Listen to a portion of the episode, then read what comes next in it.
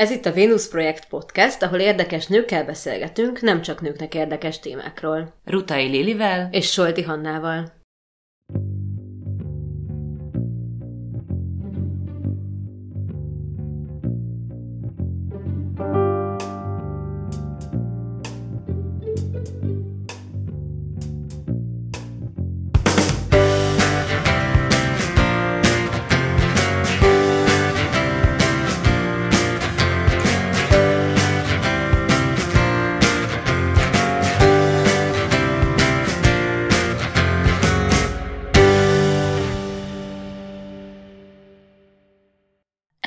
Epizódban Kemény Zsófi íróval beszélgettünk. Szóval, szia Zsófi, köszi, hogy itt vagy ma velünk a Vénusz projektben. Az Aranykor fénykora egy fővárosi művész közegben játszódik, ahogy egyébként az Értetek teszem és a rabok tovább is. Van ebben valami szándékosság? Arról írsz, amit ismersz? Vagy miért érzed ezt a közeget, mint kiindulási pontot érdekesnek, vagy megírni valónak? Fú, sziasztok! Igen, alapvetően mindig is volt bennem egy ilyen törekvés, hogy arról írjak, amit ismerek, meg a saját közegemet fogjam meg, és úgy képezzem le a világot, ahogy ö, azt, azt érzékelem.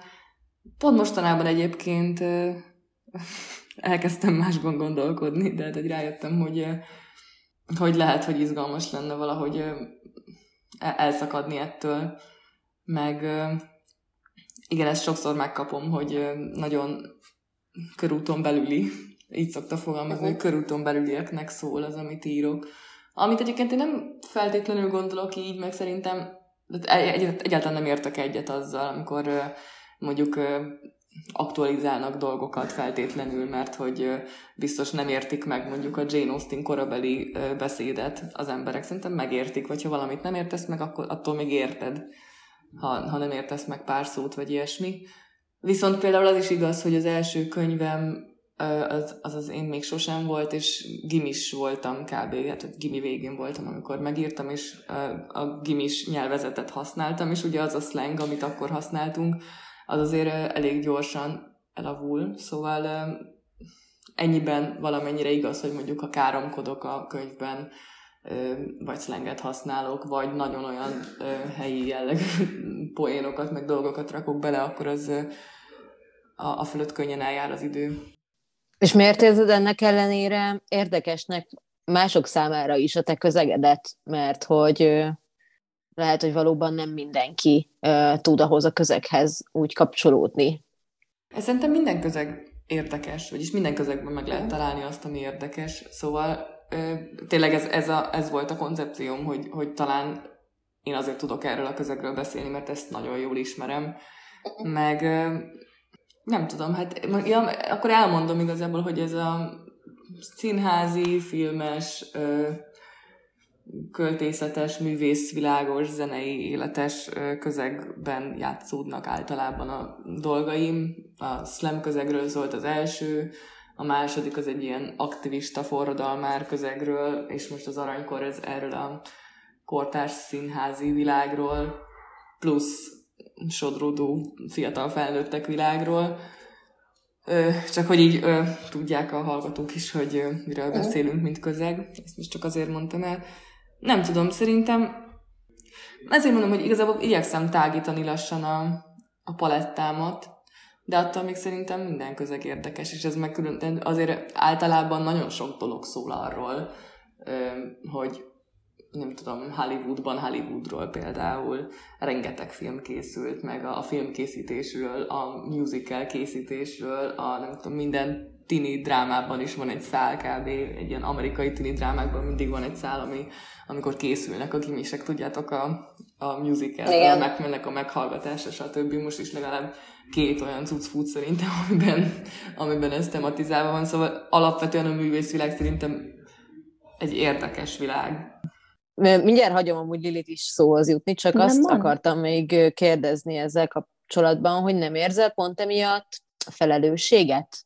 Nagyobbat akár, mint hogyha egy nagyon távoli vagy nagyon fiktív közegbe, környezetbe helyeznéd ki magad, mert hogy, és most itt nem is arra gondolok, hogy mondjuk szereplők magukra ismerhetnek, hanem csak szimplán arra, hogy hogy ez a te közeged, amiben te mozogsz, és bevállalni egy olyat, hogy regények kiindulási pontjának rakni a saját közegedet, ami mondjuk Magyarország esetében egy kicsi közeg, az, az nagyon nagy felelősséggel is járhat, hogy hordozhat magában veszélyeket erről. Mit gondolsz, vagy mit tapasztaltál? Szerintem nagyon-nagyon igazad van. Volt is ilyen, hogy a második könyvem az a Rabok tovább, az, az arról szólt, hogy Budapesten kitör egy forradalom, és sok baloldali aktivista gondolja azt, hogy ő vezeti a forradalmat, de mi egy csoporttal megyünk, és valahogy odasodródik a főszereplő lány, egy traumatizált lány odasodródik, hogy benne van az élbolyban, akik, így, akik, akik vezetik ezt a forradalmat. És, és hát bemutattam egy csomó karaktert, akiket így ismerek, és, és eljátszottam azzal a gondolattal, hogy mi lenne, hogyha ezek a karakterek nekiállnának, tehát hogy fegyvert kapnának a kezükbe, és, és az lenne mondva, hogy akkor menjünk, és, és harcoljunk, és vívjuk meg a csatáinkat az igazunkért. És hát a, a, a fő konklúzió az tulajdonképpen az lett, hogy hogy nem tudna a generációm ezzel mit kezdeni, hál' Istennek szerintem, vagy hát nem tudom, hogy mennyire hál' Istennek, de hogy szétesik az egész, és, és nagyon sok narcisztikus vezető karakter van, stb. Szóval, hogy összességében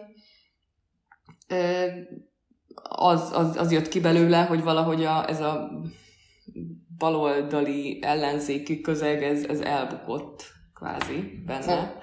De hogy, hogy én ezt mindezt szeretettel csináltam úgy, hogy én magam is egy csomó tüntetésen voltam ott, mert a legtöbben meg, meg voltam, én fel is szólaltam akkoriban, stb.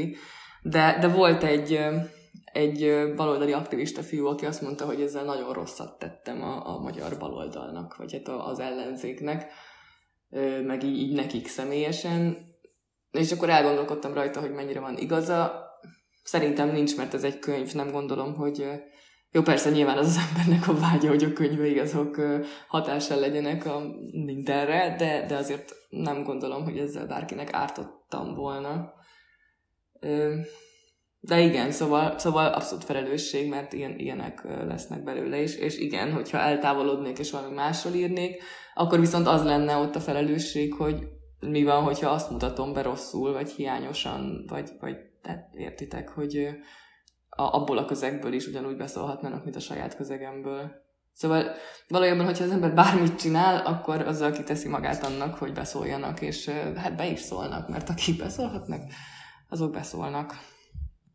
Ez így Igen, például volt az American Dirt című könyv, ami a mexikói menekültekről szól, és egy olyan nő írta, aki nem Mexikóból menekült az USA-ba migránsként kvázi, és emiatt rengeteg kritikát kapott, hogy de hát ő ezt nem is élte át, hogy írhat erről, annak ellenére, hogyha elvégezte a kutatómunkát, és szerintem ez így az irodalomban mindig egy tök nagy kérdés volt, mert hogyha nem skifit írsz, és nem teljesen a valóságtól elrugaszkodott, akkor soha nem lesz teljesen tökéletes képed a világ egy részéről, sem is valamennyi felelősséget nyilvánvalóan lesz.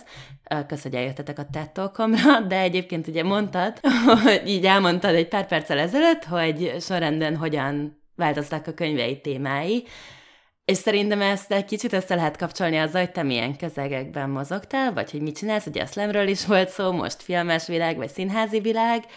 Egy kicsit mesélj arról, hogy te hogyan kerültél oda, ahol most vagy, nagyjából onnan, hogy a testvéreddel együtt elkezdtetek számokat írni, amit, hogyha jól tudok, az egyik első ilyen kis művész megnyilvánulásod volt, és amiről több interjúban meséltél már. Igen, egyébként ez pont érdekes, mert ez a kis színes névre hallgatott, és akkoriban, amikor elkezdtük, én 11-12 éves voltam kb. Tehát, hogy ilyen nagyon-nagyon korán volt, és a nővérem volt másfél évvel idősebb nálam, és szerintem zseniális dalokat írt, de erre akkor én nem annyira jöttem rá. Illetve, de persze, tehát szerettem csinálni, meg én csináltam a gitárszólamokat, meg én is írtam pár számot, meg ilyesmi. De nagyon hamar bekerültünk egy, egy olyan felnőtt közegbe, amiben gyerekként még úgy valahogy nagyon nehéznek tűnt integrálódni, és baromi ijesztő volt színpadokon találni magad. A Quimby előtt játszottunk, tehát így, így nagyon, tizen, akkor már 16 voltam, azt hiszem. És pont most találtam meg tegnap, azért mondom, hogy érdekes, hogy most erre rákérdeztek, mert tegnap találtam meg egy ilyen tíz éves félbehagyott felvét, lemez felvételt ezekből a dalokból, és arra jöttem rá, hogy egyébként szerintem a nővérem zseniális, tehát tényleg elképesztő dalokat írt, és tök izgi lenne újra csinálni valamit, vagy kezdeni valamit ezekkel a félbehagyott felvételekkel. Igen, szóval ez volt az, a, az első, akkor megijesztett a közeg, szóval, hogy abba hagytuk, de de azóta viszont azóta elég sokat zenélek, meg elég sokat vagyok zenészekkel, és most már nem ijesztő ez a közeg, sőt. De on, aztán 16 éves voltam, amikor elkezdtem verseket írni, akkor abból elmentem egy irodalmi táborba, ahol a Simon Marci meg az Ávoda Peti meséltek a slam poetryről, és aztán onnantól már ők beneveztek egy versenyre, és akkor, akkor elkezdtem slammelni, és az meg már hozta magával a fellépéseket, meg a kiadói megkereséseket, meg a, tehát a könyveket, és, és aztán eltelt ez a jó pár év, úgyhogy most itt vagyok. Azért a kettő között, még bocsi, hogy így beszorok egy pár dolgot, hogy ugye utána visszatértél a zenéhez Sophie Hart néven, ahol nagyjából a szlemet és a kritikusságot fűzted össze, és meg megjelentek könyvei, vagy hát verses köteteid is, amielőtt átálltál a prózára. Tehát egy csomó műfajban kipróbáltad magad. Szerinted ezek mennyire férnek meg egymás mellett, vagy hogy mennyire foglalkozol most különösen az egyikkel, mennyire kizárólagosak inkább az a kérdés? Nem, a magia mindegyiknek az írás, hogyha van az embernek egy minimális íráskészsége, amit rutinnal és tapasztalatokkal párosít, akkor, akkor szerintem nem igazán van olyan, hogy, hogy egyik műfaj vagy másik műfaj. Nyilván ki miben gyúrja magát. Én azt választottam az elején, hogy, hogy mindet próbálom egyszerre csinálni, ami akkor jó döntésnek tűnt, azóta néha megfenek lett, tehát hogy néha, néha azért nagyon nagyon-nagyon nehéz volt átállni egyikről a másikra. A legnehezebb átállás az az volt, amikor elmentem az egyetemre, az SFE-re, és forgatókönyvet, írást tanultam, forgatókönyvírást, mert, mert ott ugye vizuálisra kellett átállítani az agyamat, tehát azt kellett megtanulni, hogy nem mint a drámában, meg nem mint a, mint a minden másban, nem verbálisan kell megoldani a szituációkat, hanem látnom kell a képet, és ahhoz minél kevesebb szöveggel és minél pontosabb megszólalásokkal kell gyakorlatilag csak lekísérnem azt, amit látok a képen. Az, az egy nehéz átállás volt, és egyébként egy kicsit be is ö, tapasztotta a, például a szlemet meg a többit, de azért olyan, olyan nagyon nem, szóval azért, azért az írás és, és annak minden formája az ö, szerintem érdekes. Mert én melyiket tartom ö, legközelebb magamhoz, ez, ez is volt a kérdés, ugye?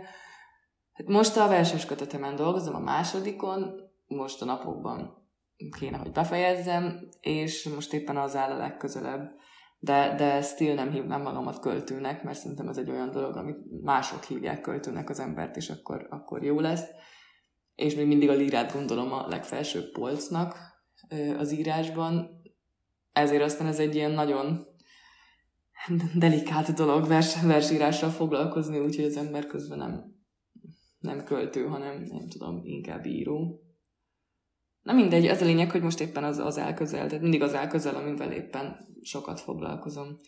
És igen, az, hogy elkezdtem, amikor elkezdtem, nem tudom, lassan 8-9 éve, vagy nem tudom, akkor, akkor mindent csináltam, most pedig kicsit abban vagyok, hogy lehet, hogy érdemes lenne leszűkíteni, vagy tényleg nem egyszerre csinálni, hanem mondjuk legalább hónapokat adni valaminek, bizonyos dolgoknak, tehát egyféle iránynak. Uh-huh. Amúgy ezért kérdeztem, és bocs, Hanna, most én ragadom magamhoz itt teljesen a mikrofont, mert hogy nekem is nagyon sokszor van olyan érzésem, hogy hogyha az ember sok mindenbe kipróbálja magát, hiába tartoznak ezek egy kalap alá, akkor mindegyik egy kicsit egy ilyen befejezetlen érzése hat legalábbis nekem, hogy semmit nem csinálok, mondjuk teljes melbedobással. És ezért érdekel, de nagyon érdekes, hogy azt mondod, hogy nem tartod magad költőnek, Viszont az íróság meg egy tök jó kifejezés. Hmm. Hát szerintem azért, azért meltbedobással kell csinálni, tehát azt nem mondom, hogy nem kell berakni az embernek a szívét, lelkét mindenbe, csak csak nagyon sokáig működött a multitasking, tehát nagyon sokáig volt az, hogy, hogy a szívem, lelkem az képes volt egyszerre működtetni verset, prózát, dalszöveget, ö, nem tudom, drámát, mi van még, reppet, reppet, szóval ne hívjuk repnek, akkor spoken word meg, meg mindenfélét. És aztán, aztán így van, hogy az ember kimerül. Tehát egyszerűen azt vettem észre, hogy kezdek kezdem a kiégés tüneteit produkálni, és akkor egy kicsit azt mondom, hogy na jó, akkor egy álljunk le.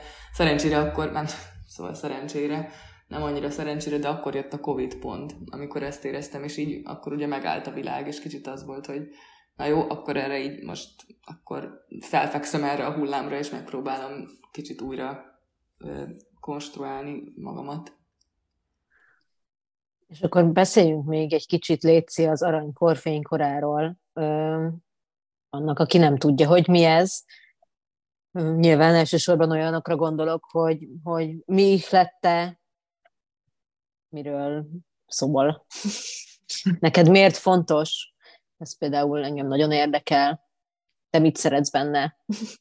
Hát, hú, az, hogy mi ihlette, az, az arra azt tudnám mondani, hogy minden, mert én négy évig minden tapasztalatomat, fordulatomat, ötletemet, tényleg mindenemet beleraktam abba a könyvbe, amíg az készült.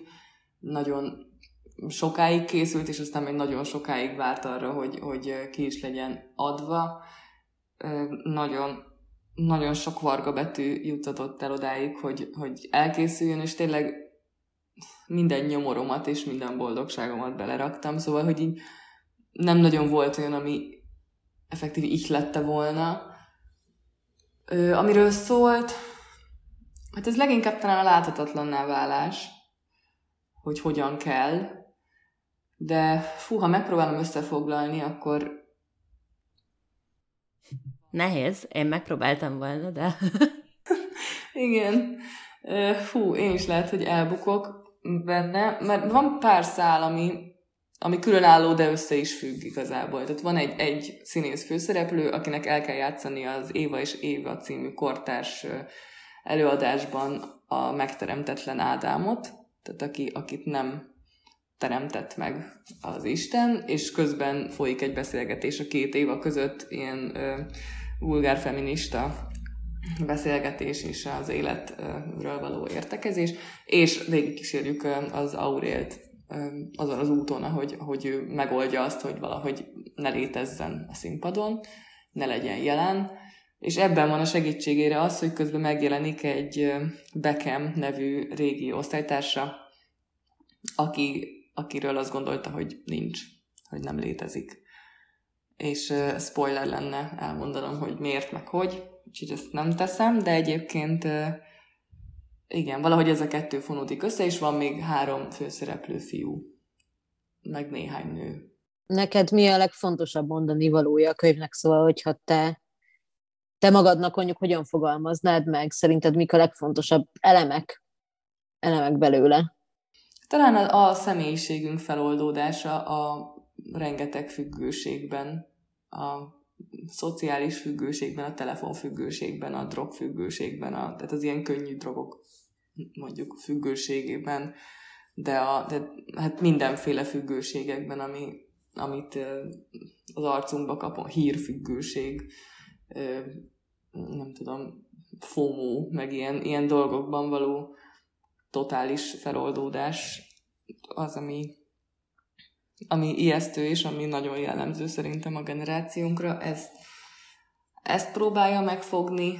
Tehát, hogy még pont az a pillanat, ami előtt mondjuk ezek a függőségek ténylegesen megölnék az embereket, hogy az, az előtt vagyunk, tehát hogy ez azért is aranykor fénykora, mert hogy valahogy kicsit a, a kapitalizmusnak, meg a, tehát a világ vége előtti olyan csúcson vagyunk, amit már csak a legnagyobb jó indulattal hívhatunk aranykornak, tehát ironikusan nyilván, de most még így nem annyira veszük észre, tehát így bebetör az, hogy egyébként jön a világégés, de hogy, hogy még, még, még tökre el vagyunk vele, és még, még adjuk alá a lovat. Tehát, hogy persze mindenki lázadozik a kapitalizmus ellen, de azért imádjuk a plázát, vagy most ez csak egy ilyen példa.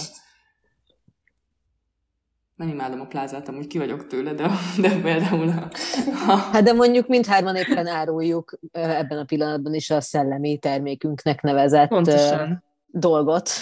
Ami, ami egy fiktív, fiktív dolog, és mi merészelünk a kapitalizmusnak annyira áldozni, hogy, vagy annyira aláfeküdni, hogy azt merjük gondolni, hogy a mi gondolataink, azok pénzt érnek másoknak.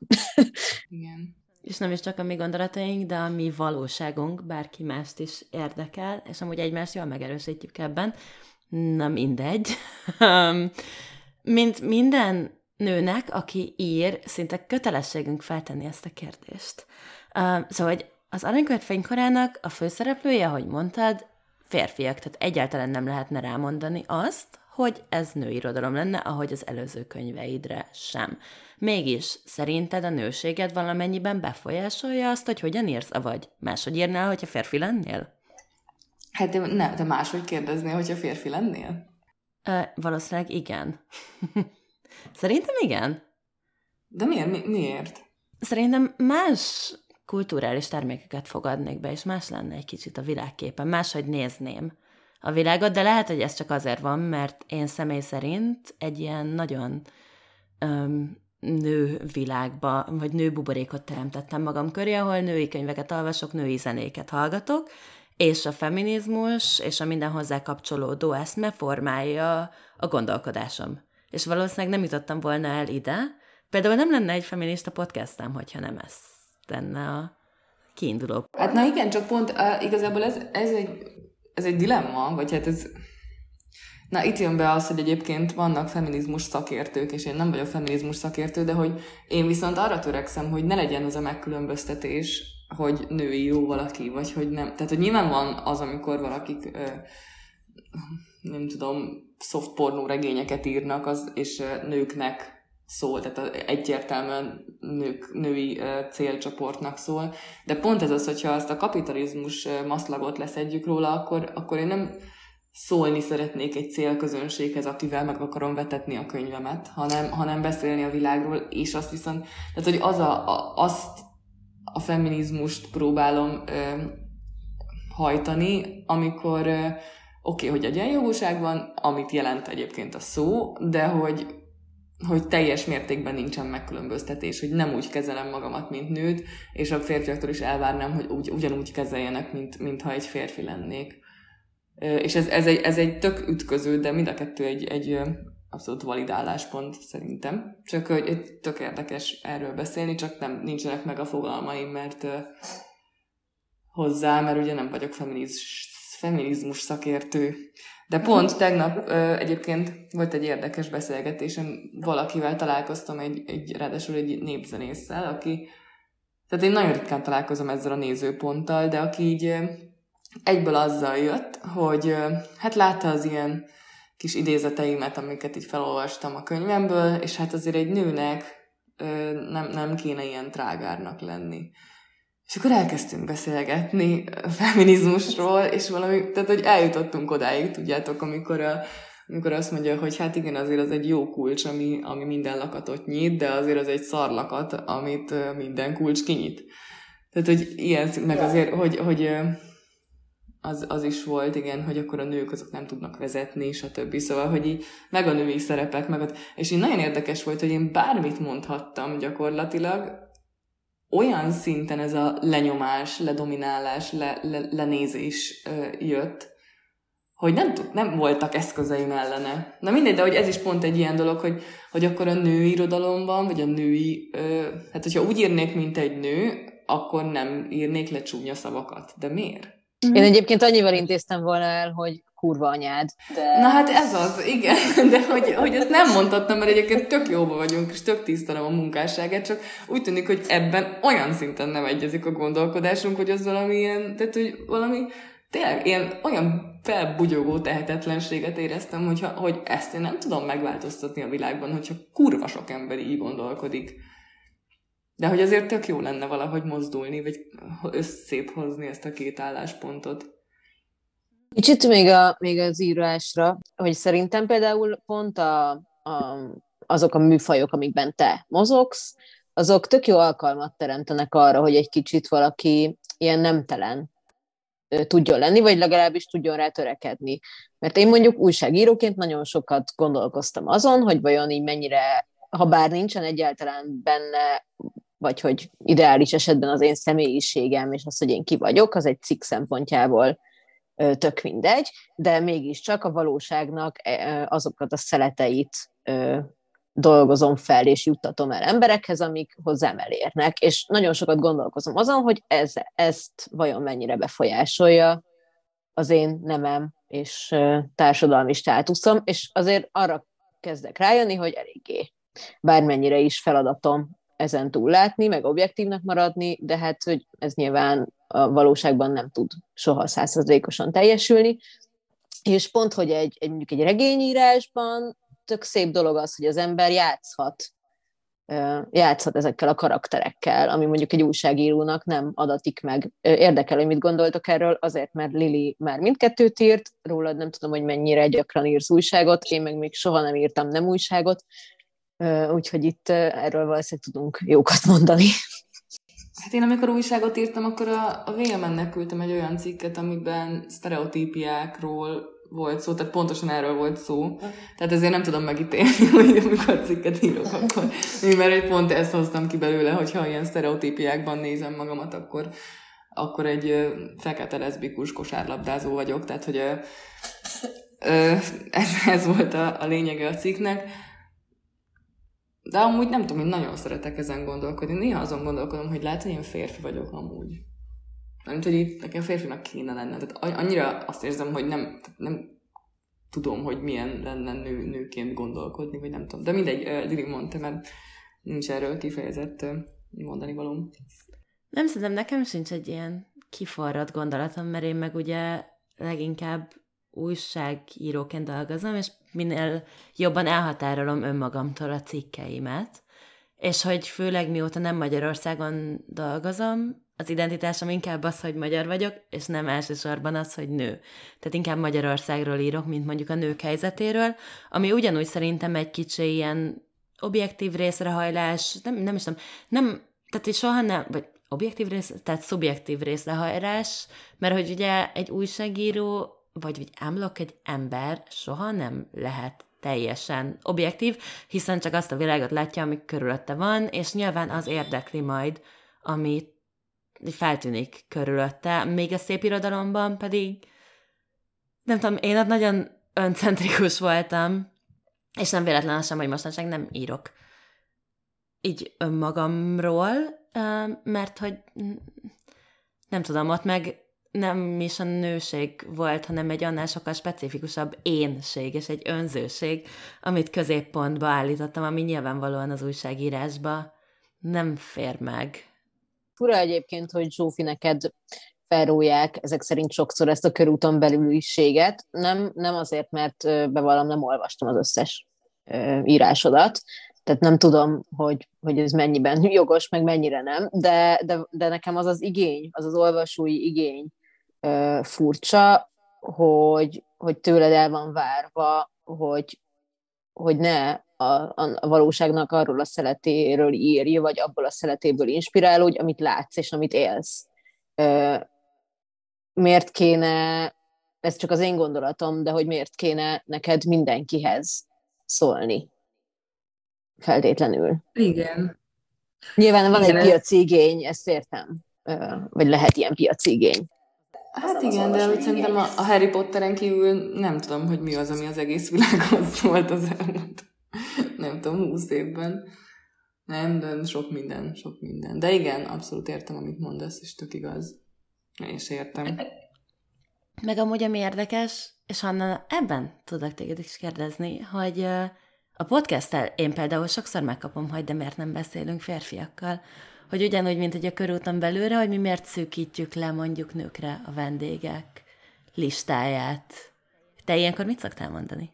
Tőlem ezt egyszer a kedves Kodarkai Endre kérdezte egy kerekasztalon, és akkor azt mondtam, hogy hát van egy csomó podcast, amiben vannak férfiak, menjenek oda, vagy csináljanak maguknak egyet, engem ez nem, nem különösebben van erre válaszom, de nem is különösebben értek el olyan szempontból, hogy nem érzem felelősségemnek, hogy ide férfiakat is meg kéne hívni, mert ez egy olyan podcast, ahol mi úgy határoztunk, hogy nőkkel szeretnénk beszélgetni. Egyébként abból, a, abból az okból, hogy, hogy olyan, mert olyan témákról beszélgetünk általában, vagy olyan szemüvegen keresztül ö, boncolgatjuk ezeket a kérdéseket, amiket, amit, amihez kell a női nézőpont. Ö, és akkor erről ő azt mondta, hogy, ö, hogy úristen, hogyha egyszer egy férfi mondana, és azt egy feminista meghallaná, akkor, akkor mi lenne, és akkor erre azt mondtam, hogy hát én ezt nagyon sajnálom őket, férfiakat, és remélem, hogy azért van felületük megszólalni. Igen. Na pontosan, de egy, ezen a gondolkodás ellen kéne valamit tenni, hogy így ne, ne ez legyen. És hogyha mindenki embernek kezelni a másikat, nem pedig nőnek vagy férfinak, akkor ezek nem történnek meg ezek a beszélgetések. Mármint attól még persze lehetne az, hogy én most nőkkel beszélgetek, mert létezik olyan, hogy nő meg férfi basszus, de hogy nem kezelem máshogy, meg nem Na mindegy, ez nagyon... Igen, viszont hogyha így vennénk, az nem lenne egy kicsit olyan, és bocs, most az ördög ügyvédjét játszom ebben a szerepben egy picit, tehát túlzom a véleményemet, de hogy nem olyan egy kicsit, mint amikor azt mondja valaki Amerikában, hogy én nem látok színeket, és számomra a fehér és a fekete ember pontosan ugyanolyan, hogy hogyha nem veszük külön a nőket és a férfiakat, akkor nem tudjuk észrevenni a nemek közötti egyenlőségeket sem. Tehát, hogy ez egy olyan társadalomban működne, ahol már mindenki abszolút egyenlő, és nincsen történelmi vonzat, vonzata, sem pedig történelme az elnyomásnak és a különbözőségeknek. Csak hogy a cél az nem az lenne, hogy a végén eljussunk odáig, hogy már nem annyira van, vagy hogy már nem annyira számít, mert az mindig ott lesz, csak hogy így, hogy nem, hogy eljussunk oda, hogy ne, ne ez alapján különböztessünk meg embereket, hanem az alapján, hogy ők mennyit tudnak a világról, vagy a saját szakmájukról, vagy nem tudom.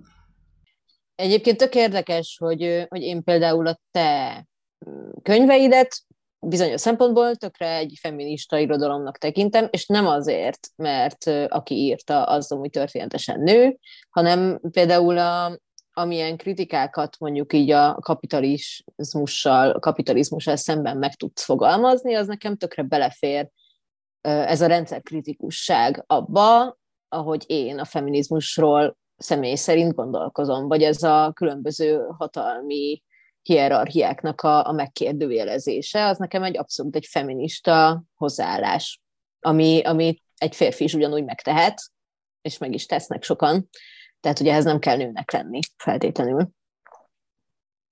Igen, na ennek örülök. Tehát én, nekem célom az, hogy amúgy feminista legyen a, a könyvem, csak nekem az is célom, hogy férfiak is feministák legyenek. És ne csak nők legyenek feministák. Tehát ez, ez lenne a, a, az idilli, vagy ez az optimális állapot szerintem. Abszolút. Hogyha minden férfi feminista lenne, és minden nő is feminista lenne, és, és nem, nem, nem lenne ez is már annyira Uh-huh. De hát ez tudom, nagyon messze vagyunk. Igen. És egyébként, hogyha már itt tartunk, mennyiben más, hogyha bármennyire is tudatos belecsempészni a feminizmus, vagy nevezzük ezt bárminek, a műveidben mennyire más ezt egy prózába, egy versbe, vagy egy szlembe belerakni? Prózában van tér kifejteni, és el tudsz távolodni a szereplőktől, meg, meg tudod a, a az egyes szereplők szájába adni a, a dolgokat, meg a véleményeket, akár megfogalmazhatsz, ugye a másik nézőpontból is meg kell fogalmaznod, bele kell helyezkedned a, a másik nézőpontba is, és azt is megírni. A vers meg a slam pedig ennél sokkal, sokkal személyesebb műfajok olyan szempontból, hogy ott, ott magadból beszélsz. Tehát ha felmész egy slam színpadra, akkor, akkor muszáj úgy beszélned, mint hogyha azt te mondanád, azt te vagy, és, és kész, és, és a saját nézőpontod a, a nézőpontod. A lírában meg, az, ott meg aztán pláne, tehát annál meg talán nincs is személyesebb, szóval szóval igazából, hogyha rendes feminista vagy, és olyan témát választasz, mert azért nem mindig olyan témát választ az ember, amiben ez volt. Tehát például mondjuk azt nem tartja, azt, azt nagyon lányos témának tartják, hogy az ember a magánéletéről beszél. És egyébként fú, most kicsit csapongok, de hogy nagyon sokszor láttam már fiúkat beszélni a magánéletükről, tehát szerel, szerelemről beszélni, és valahogy valahogy mégis azt mondják, hogy ez lányos téma. Sőt, megkockáztatom, hogy sokkal több fiút hallottam a szerelmi életéről beszélni, mint nőt, és valahogy valahogy mégis az van az emberek fejében, hogy de akkor ez most milyen lányos. Na mindegy, szóval, szóval témaválasztásban is lehet arra fele menni, hogy az ember ezt kifejezze, és uh, nyelvileg is lehet, és, és mindenhogy. Az, az viszont biztos, hogy alapvetően az íróság és mondjuk az írásból megélés, az, az nem feltétlenül egy nőies szakma, talán ez már egyre kevésbé van így, de azért még így a slamben is, a költészetben is, és a prózában is alulreprezentáltak a, a nők. Te érezted a bőrödön valaha ennek a hátrányát, vagy akár előnyét? Hát ugye azt sose fogom tudni, hogy hány helyre nem hívtak azért, mert nő vagyok. Igazából azt se feltétlenül fogom megtudni, hogy hány helyre azért hívtak, mert nő vagyok, hogy női kvóta legyek. Azt viszont abba kb. biztos vagyok, hogy volt ilyen, ahol az volt, hogy jó, akkor menjenek a nagyfiúk, de hogy, hogy azért kéne dísznek egy lány is, és akkor, akkor hívtak engem. E, ez az, főleg az elején valószínűleg volt egy csomó ilyen helyzet, meg emlékszem arra, hogy amikor megérkeztem a slambe, akkor kb. tényleg én voltam az, hát a legfiatalabb, meg az egyik lánya nagyon kevésből, és akkor fixen nagyon lelkesen fogadtak, hogy úristen, egy lány, és akkor végre, és akkor úgy beszél, hogy nem tudom. És akkor egyből nyilván nagyon jóba lettünk a többi lányjal, ilyesmi, akik csinálták, mert úgy nagyon kevesen voltunk. De már egyébként ez kicsit eltűnt, tehát igazából most már slamben 50-50 kb. Költészetben is azért nagyon sok, nagyon sok költő nő. De mondjuk a slamben például egy színpadon állsz um, ahol, ahol ott vagy nőként, uh, testtel, arccal, mindenhogyan, ott például ott nem, nem ért mondjuk téged olyan élmény, uh, ami, ami a nőiségedben hát vagy előnyös, vagy, vagy mondjuk megalázó, traumatizáló. Ö, kezdve ott, hogy jó, velem, velem ez nem annyira történt meg, hogy mondjuk, tehát engem azért a nevemen hívtak, de, de azért nagyon sokszor van például szlemben az, hogy a, aki konferál, az azt mondja, hogyha fiút húzott ki a kalapból, hogy akkor jöjjön a következő slammer, hogyha meg lányt húz ki a kalapból, akkor meg azt mondja, hogy és jöjjön egy hölgyemény. Ez, ez, ez ilyen tök általános. Egyébként imádom, mindenkit imádok, akik, akik ez, a körtől ezeket a szavakat hallottam, és meg is mondtam nekik már egyébként, hogy ez szerintem ez például káros. Tehát, hogy nem slammernek hívni a lányokat, hanem hölgyeménynek, és meglepődni azon, hogy lányok. Mert egyébként is a hölgyemény szótól viszketést kapok. De, de... Igen, letöltendőt adnék érte én. Igen, konkrétan. Na, szóval, hogy, hogy ilyen is volt, meg olyan is volt, hogy egy zsűri azt mondta, hogy azért juttat tovább, mert nekem volt a legjobb seggem. Ö, ilyen is volt, igen. Mm. Olyan is volt, hogy társaságban, mondjuk közös írás közben bemondtam valamit, senki nem figyelt, tíz perccel később bemondta egy fiú, és mindenki azt mondta, hogy úristen, nem tudom. Ilyenek is voltak, ö, nem egy, nem kettő alkalommal. Ö, most nagyon gondolkodom. De egyébként szerintem én inkább profitál, profitáltam, utána ezt a kifejezést, de hogy nekem inkább talán segített az, hogy lány voltam, mert tényleg egy, egy elnyomóan férfi közegben, nem elnyomóan, de hogy többségében férfiak voltak abban a közegben, ahol színpadra álltam. De például már az első, a legelső fellépésem az úgy nézett ki, hogy ugye gimnazista voltam, 17 éves, és akkoriban nagyon sovány voltam, és szerettem nagyon-nagyon, tehát ilyen tampon zsinórig érően rövid ruhákban járkálni. Ezt ma már nem is értem, de, de hogy egy ilyenben álltam fel a színpadra, és ugye ott megy az idő, tehát hogyha beleszólsz a mikrofonba, akkor, akkor elkezdik mérni az idődet, és hogyha letelik a 3 perc 15 másodperc lemben, akkor, akkor fél percenként egy pont levonás jár.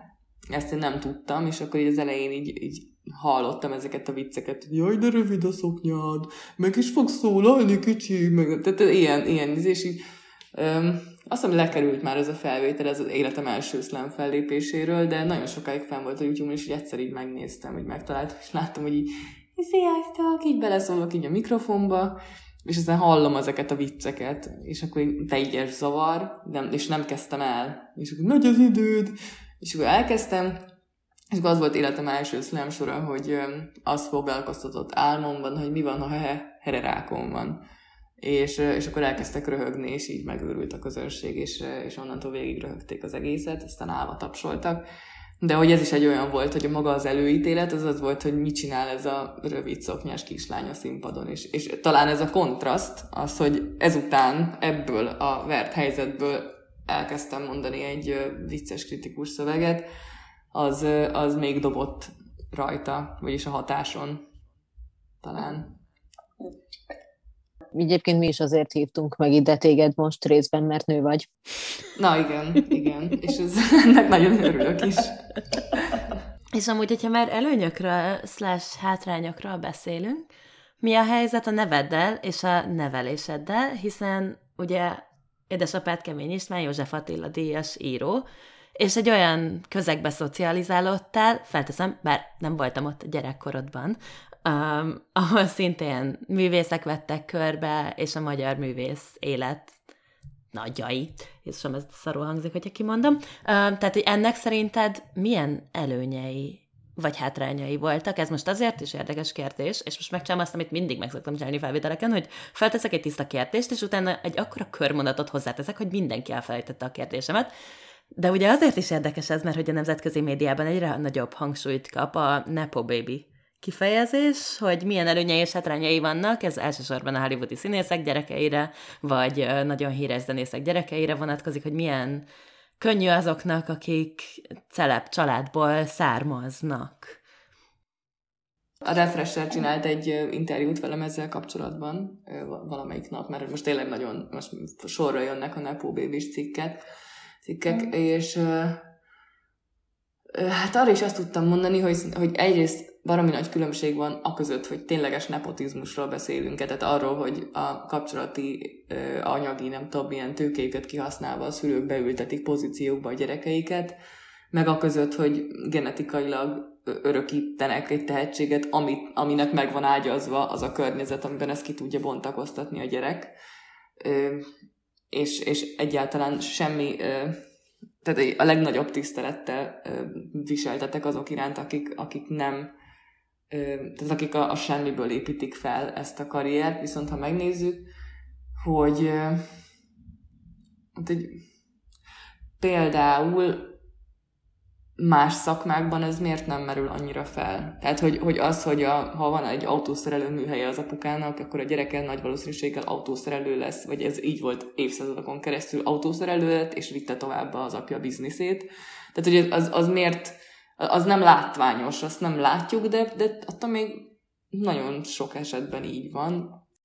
Mm, én vitatkoznék olyan szempontból ezzel a példával, hogy szerintem a művészvilág azért van kiemelve ebben, mert sokkal nagyobb a határa a belépésnek, tehát belépési küszöb gyakorlatilag sokkal magasabb, mert még egy autószerelő üzletet tudsz nyitni, hogyha összegyűjtöd előtte a pénzed azzal, hogy más autószerelőknél dolgozol, stb. stb íróként bekerülni egy olyan közegbe, és most nem csak arra gondolok, hogy kiadatod a saját könyved saját pénzből mondjuk, vagy hogy belépsz a Fiatal Írók Szövetségébe, vagy elmész a táborba, hanem hogy effektíve tényleg bekerülni ebbe a közegbe, külsősként szerintem nem olyan könnyű. Minden társadalomban, most legyen az a magyar vagy a, az amerikai, szerintem a, tehát hogy a szórakoztató iparban, meg a művészvilágban dolgozó emberek, az mindenhol a társadalom elitjéből kerülnek ki. Tehát ebben szerintem is más. Igen, ez, ez most így nagyon-nagyon hülyeségnek tűnik, ahogy, ahogy most ezt mondtam, csak ezt, ezt, ezt mondtam ebben a cikkben is, hogy, hogyha Wolfgang Amadeus Mozart nem, ennek az apja az nem zenész, vagy nem ebből a közegből jön, hanem egy, nem tudom, földműves, akkor fűzva zsípon játszott volna, és nem pedig körbe turnézza Európát a, a zenéjével. Tehát, hogy, hogy az a baj, hogy nem tudod megmondani, hogy ki, a, és ez egyébként egy személyes probléma is, a Nepo bébiknek, hogy ők maguk sem fogják tudni soha megmondani, hogy mi az, amit saját tehetségből értek el, és mi az, amit külső behatással a szüleik révén. És ez egy tök nagy kereszt is egyébként. Csak ezt ugye a másik oldalról rohadt nehéz átélni, mert a másik oldal meg azt látja, hogy az meg küzd, küzd, küzd, és, és az Úristennek nem jut el odáig. És, és ez így van, tehát az van, hogy aki kívülről jön, azért tényleg minden tiszteletet megérdemel, hogy bekerül a, a művészvilágba, de, de amúgy meg viszont akkor írjuk le Billie Eilish-t, meg a, nem, a többi ilyen nepó baby, de utálom ezt a kifejezést, te jó ég. Uh-huh. Tehát, hogy írjuk le őket, és mondjuk azt, hogy alapvetően nem tehetségesek. Nem. Tehát, hogy ez, ez egy rohadt nehéz dilemma, mert hogy nem tudom, nem tudom, mit kéne csinálni. Nyilván azok, akik ebben a helyzetben vannak, azoknak rohadt nagy felelőssége van az, mondjuk én, hogyha ha küld nekem bárki bármit, hogy véleményezzem, általában ilyen teljes köteteket szoktak küldeni, de olyan hetente többet, amiket mindet lelkiismeretesen végigolvasok, végigjegyzetelek, általában semmit nem fogadnak meg belőle. Tehát ilyen olyan arcok szokták elküldeni, akik, akik nincsenek benne ebben a közegben, és elküldik nekem, hogy véleményezem. És mondom, ilyen, tehát egy nagyon-nagyon-nagyon nagy, nagy, sok energiát és időt szoktam arra fordítani, hogy, hogy megírjam nekik azt, ami, tehát hogy, hogy segítsem őket beajánljam őket, mit tudom én, tehát egy csomó minden. Pontosan ezért, mert azt érzem, hogy mindenféleképpen saját magam is, meg az egész környezetem mindig meg fogja kérdőjelezni azt, hogy nekem van-e ott helyem, vagy csak az apám révén. De hogy igen, tehát hogy más nem nagyon tehet az, aki ebben a helyzetben van, mint azt, hogy felelősséget vállal azokért, akik nincsenek benne, meg akiknek nehezebb. De azért igen, hát én, én annyit tettem ellene, hogy egyrészt próbáltam ellene menni mindenhogy, tehát elmentem pszichológia szakra a bölcsészkar helyett, mert ott nem ismerte senki az apámat. Elmentem szlemmelni, mert ott nem ismerte. Ö, hát végül kiderült, hogy azért, azért csomóan igen, de hogy azért a legtöbben nem ismerték a szüleimet. Ö, aztán elmentem eszefére, ahol ennek semmihez semmi köze. Ö, szóval, hogy, és, ja, és álnéven kezdtem el nyilván verseket írni, szlemmelni, és a többi mindent álnéven kezdtem az elején, pontosan ezért. Szóval, szóval, hogy az ember így próbálkozik, próbálkozik, de hogy ez az, ami ezzel törleszt a Nepo Baby, hogy, hogy ő, ő maga sem fogja tudni, hogy a saját identitása és a saját elért eredményei azok minek köszönhetőek. És uh, igen, nem tudom, hogy mire vagytok még ezzel kapcsolatban kíváncsiak. Nekem ez egy nagyon, nagyon nehéz dolog, és, és tényleg egyáltalán nem akarok úgy tűnni, mint hogyha azt mondanám, hogy nekem aztán sokkal nehezebb, mert ez nincs így.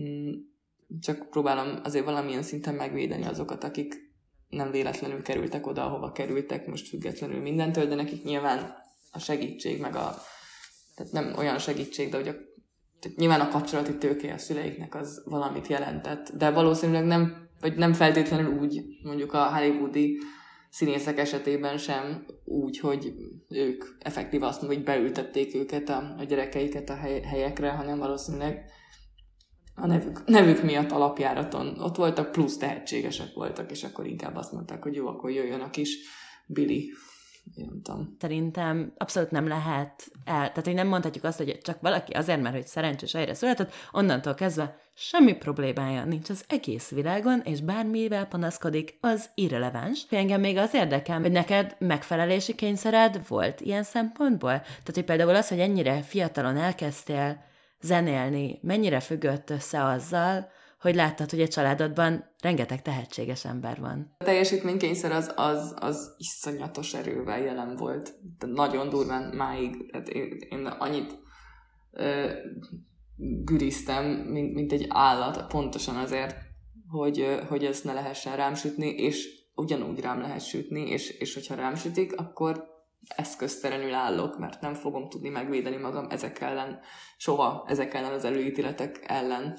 Egyszerűen, hogyha ez, ezt ezt mondják, hogy csak az apád miatt, akkor ott állsz, és mit mondasz, hogy nem, nem csak az apám miatt, vagy, vagy azt mondod, hogy ja, csak az apám miatt, de nem tudom, tehát hogy nincs, nincs jó válasz erre, és, és ezért én tényleg ezt csináltam egész életemben, hogy igyekeztem tehát így gyakorlatilag 0-24-ben dolgozni, és írni, és, és megfelelni mindenkinek az elvárásainak és meg kell, hogy mondjam, hogy bele is fáradtam, és elegem is lett ebből, úgyhogy a magam részéről nepó bébiság ide vagy oda, én most már szeretnék lenyugodni, és olyan embereket magam köré, akik nem elvárnak dolgokat, és akiknek nem kell megfelelni. Ez szerintem 2023 mantra.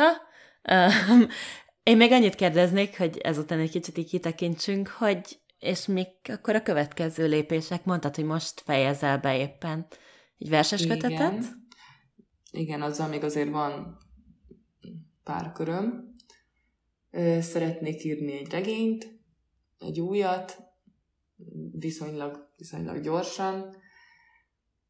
Egy drámát is kéne írnom, de az nagyon érdekes lesz, nem a saját ötletemből, hanem valaki máséból, de, de az is izgalmas lesz. Kijön nem sokára, hát nem sokára ősszel a Cica Verzum, amit Szerecki Rozi rendezett, és én voltam a forgatókönyvírója. Ez egy nagy játékfilm, azt, azt tökre várom. Azzal, azzal már csak egy annyi, annyi köröm van, hogy még, még egy kört futunk azzal, hogy a beszélő macska mit mond benne, mert ugye már felvettük, tehát hogy mele van forgatva, de ugye nem mozog a szája a macskának, szóval, hogy még mondhat bármit. És, és igen, most pénzkeresetileg nagyon sok alkalmazott forgatókönyvírói munkát csinálok. Közben szeretnék csinálni egy sorozatot, amit három éve dédelgetek, és ilyesmik. Ja, és zenélni, és most lehet, hogy igen. Gramatyám. Szóval ezek, ezek a, a terveim, a rövid távú terveim, ezek a hosszú távú az nem tudom, boldognak lenni, elégedetnek lenni, az, az még az nehezebb, mint boldognak. Hát nagyon szépen köszönjük. Um, És nagyon hajrá egyébként mindehez. Ehhez az ilyen apróbb kis célokhoz tényleg nagyon szépen köszönjük, Zsófi, hogy beszélgettél velünk. Ez volt a Vénusz Projekt Podcast. Solti Hannával és Rutai Lilivel. Ha tetszett az epizód, értékelj minket az Apple Podcast rendszerében, hogy többekhez eljussunk, és kövess minket Facebookon, Instagramon és TikTokon.